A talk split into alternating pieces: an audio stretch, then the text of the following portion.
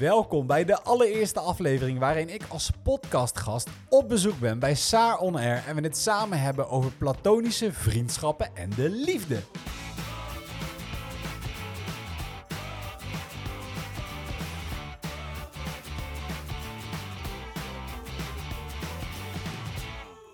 Ja, dit is voor mij wel een hele bijzondere aflevering. Want niet alleen is dit de allereerste aflevering voor mij als podcastgast.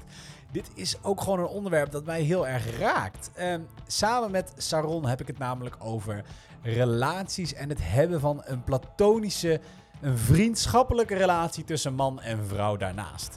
Ik heb zelf al jarenlang een beste vriendin, Tess. En ik kan je vertellen dat dat best wel tricky is geweest in eh, vorige relaties die ik had. Want ja, je hebt best wel snel dat daar eh, jaloezie bij komt kijken. eh, dat er vertrouwensissues ontstaan. En nou ja, dat is gewoon heel moeilijk. Saron is een dating- en relatie-expert. En sinds kort heeft zij een nieuwe relatie. En het grappige is, zij komt hier precies het tegenovergestelde tegen. Want haar nieuwe vriend heeft een beste vriendin.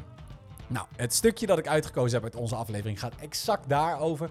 Hoe gaat zij hiermee om? Hoe behandelt zij dingen als jaloezie en, en geloven en vertrouwen in je eigen relatie? En ik laat haar natuurlijk van mijn kant ook een beetje zien hoe ik dit heb opgelost in mijn huidige relatie. Dus luister mee met deze super toffe aflevering van Saar On Air. En ik heb nu inmiddels zelf ook, eh, nou ja, verkering, om maar Verkeer- heel Oh, voorzichtig je- nou, te zeggen. Je kijkt er heel verliefd bij nog. Dat is, eh, dat is echt verkering dan. Ja, en, en dan- mijn vriend heeft dus ook een beste vriendin. Ja, Dus ik zit er echt middenin. Ehm, en, en nou ja, jij kwam er eigenlijk mee van, nou, het heeft in mijn vorige relatie gewoon voor best wel wat problemen ge- Zeker. gezorgd. Waardoor het ook een beetje een taboe is binnen een relatie. Of is het dat eigenlijk? Dat is eigenlijk natuurlijk meer de vraag. ja nou ja, ik, ik denk Hoe is dat bij jou gegaan? Want het is, kijk, het is natuurlijk belangrijk, het hebben van een beste vriend of vriendin. Ik denk iedereen heeft een beste vriend of vriendin, maar natuurlijk specifiek Van het tegenovergestelde te- geslacht Precies. in een relatie. Ja, dat, dat maakt het altijd moeilijk in mijn ervaring. Dus ik ben het type jongen die altijd eh, ma- makkelijk met vrouwen om is gegaan. Ik heb altijd veel vriendinnen gehad. En dat is, nou ja, sinds het begin van mijn relatie, nou hoe oud ben je als je 16 bent of zo, dan, dan merk je al dat dat moeilijk wordt. Weet je, je kan wel een, vriendin, een vriendinnetje hebben, Ja, maar daarnaast vriendinnen is een beetje lastig. Nou ja, dan, dan laten we het nu specifiek over de laatste zes, zeven jaar hebben. Dat je serieuze relaties hebt en dat je eh, misschien een huis hebt of samenwoont. Ja, dan, dan denk je, je bent met z'n allen volwassen geworden. Ehm, en dan merk je op dit gebied dat het eigenlijk... Ja, er zit een, eh, naar mijn idee een hele hoop nog een soort van kinderlijke jaloezie in... Die, die vaak in de weg staat. En Ja. Ik denk echt wel dat het een, een taboe is. Ik hoor heel veel eh, vrienden van mij of mensen die dat horen... die dat, die dat heel raar vinden. Die als nee, ik die zeg, zeggen, nou dat kan toch niet? ja, een heb, man en een vrouw kunnen geen platonische relatie ik, heb, hebben. ik, heb een beste, ik heb een beste vriendin. Oh ja, ah, dus je hebt ooit een blauwtje gehad bij haar. Nee. Oh, dus, dus jij hebt haar ooit, ooit afgewezen en toen... Nee. Ah, en, en de laatste keer dat jullie samen zat waren, toen hebben jullie... eh, nee. Nee. Is dat? Eh, dat is meteen eigenlijk ook een goede eerste vraag. Ehm, hoe ver ben jij met jouw beste vriendin gegaan? Heb je, daar- heb je daar ooit, eh, ben je er ooit intiem mee geweest of niet? Nee, met Tess, nee, absoluut niet. Nee, dus ik heb... Gekust? Nee, ook niet. Nee. Nee. Nee, echt niet.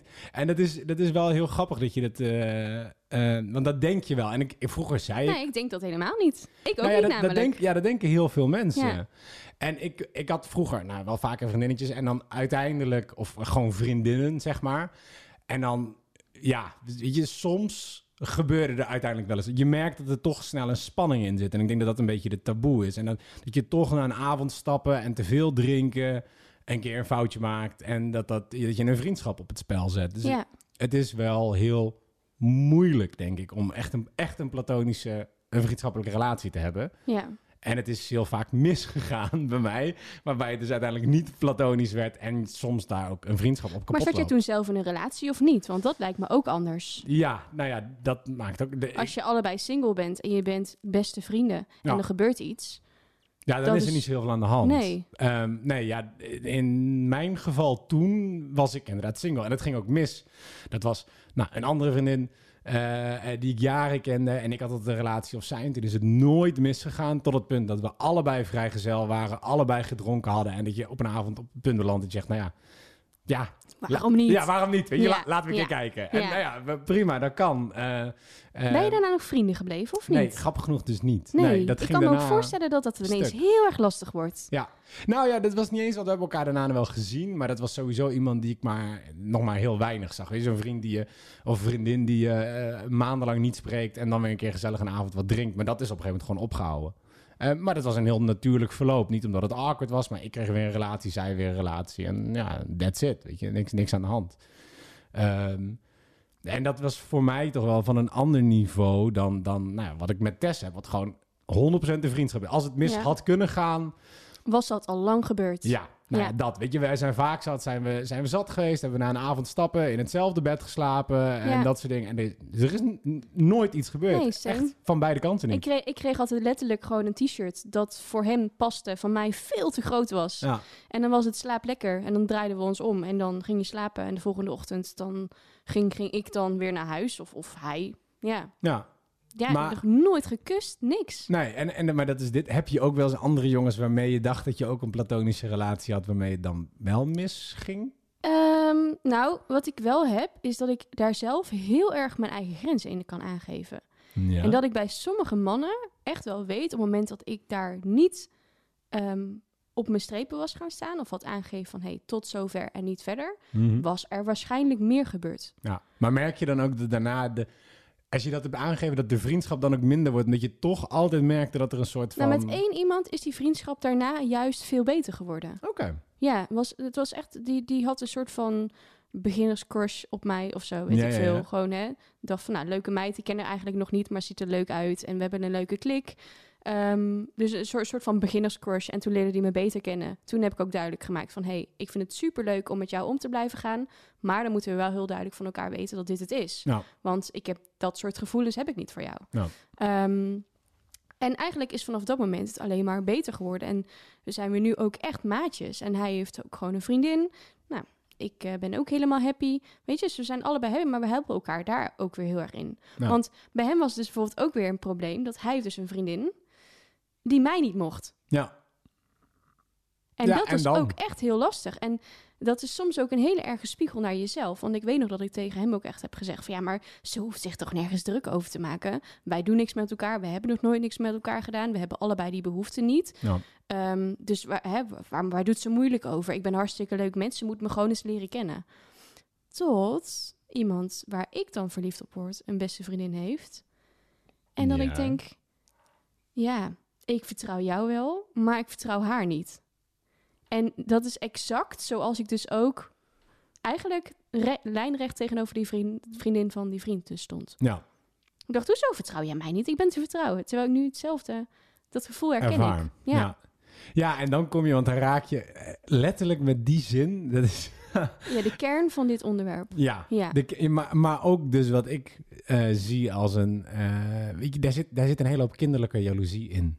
Ja, Ehm, want dat is zo'n standaard zinnetje wat ik zo vaak heb gehoord. Het, het, ja, maar ik vertrouw jou wel, maar haar niet. Dus je mag niet een avond gaan stappen samen. Of je kan daar niet blijven slapen. Of wat dan ook. Terwijl, ehm, en ja, het is één, het is een dooddoener. Want ja, wat, wat breng je daar tegen in, right? Als je vriendin dat tegen je zegt, ja, je kan er niks aan veranderen.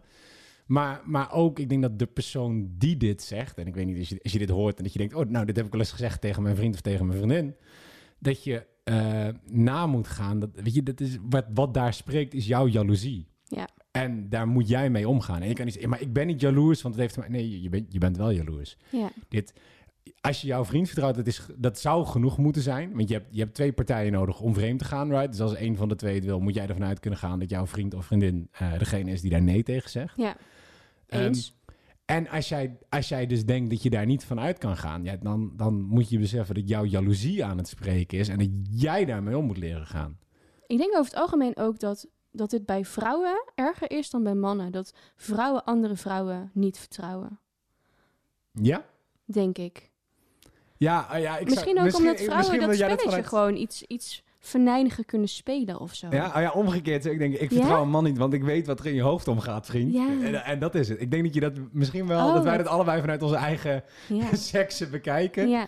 Ik zou denken van ja, maar gast, ik, ik, weet waar jij aan denkt als je er ziet staan. En, en, en no way dat dat ik dat vertrouw. Oké, dan, dan daar meteen ook even mijn, mijn pijnpunt in gegooid. Ja? Ehm, wat nou als jouw, mijn vriend in dit geval dus, eh, in het verleden seks heeft gehad met het meisje met wie hij nu beste vrienden is? Mijn hemel, wat een cliffhanger heb ik uitgekozen. Maar ben je benieuwd naar mijn antwoord op deze vraag? En naar de rest van de podcast, want Saron en ik hebben een uur lang gesproken over dit onderwerp. Ga dan naar het kanaal van Saar On Air. De aflevering heet Ik vertrouw jou wel, maar hem haar niet. En ik, al zeg ik het zelf, hij is echt de moeite van het luisteren waard. En als je dat hebt gedaan, dan zie ik jou met liefde terug in aflevering 2 van de podcastgast.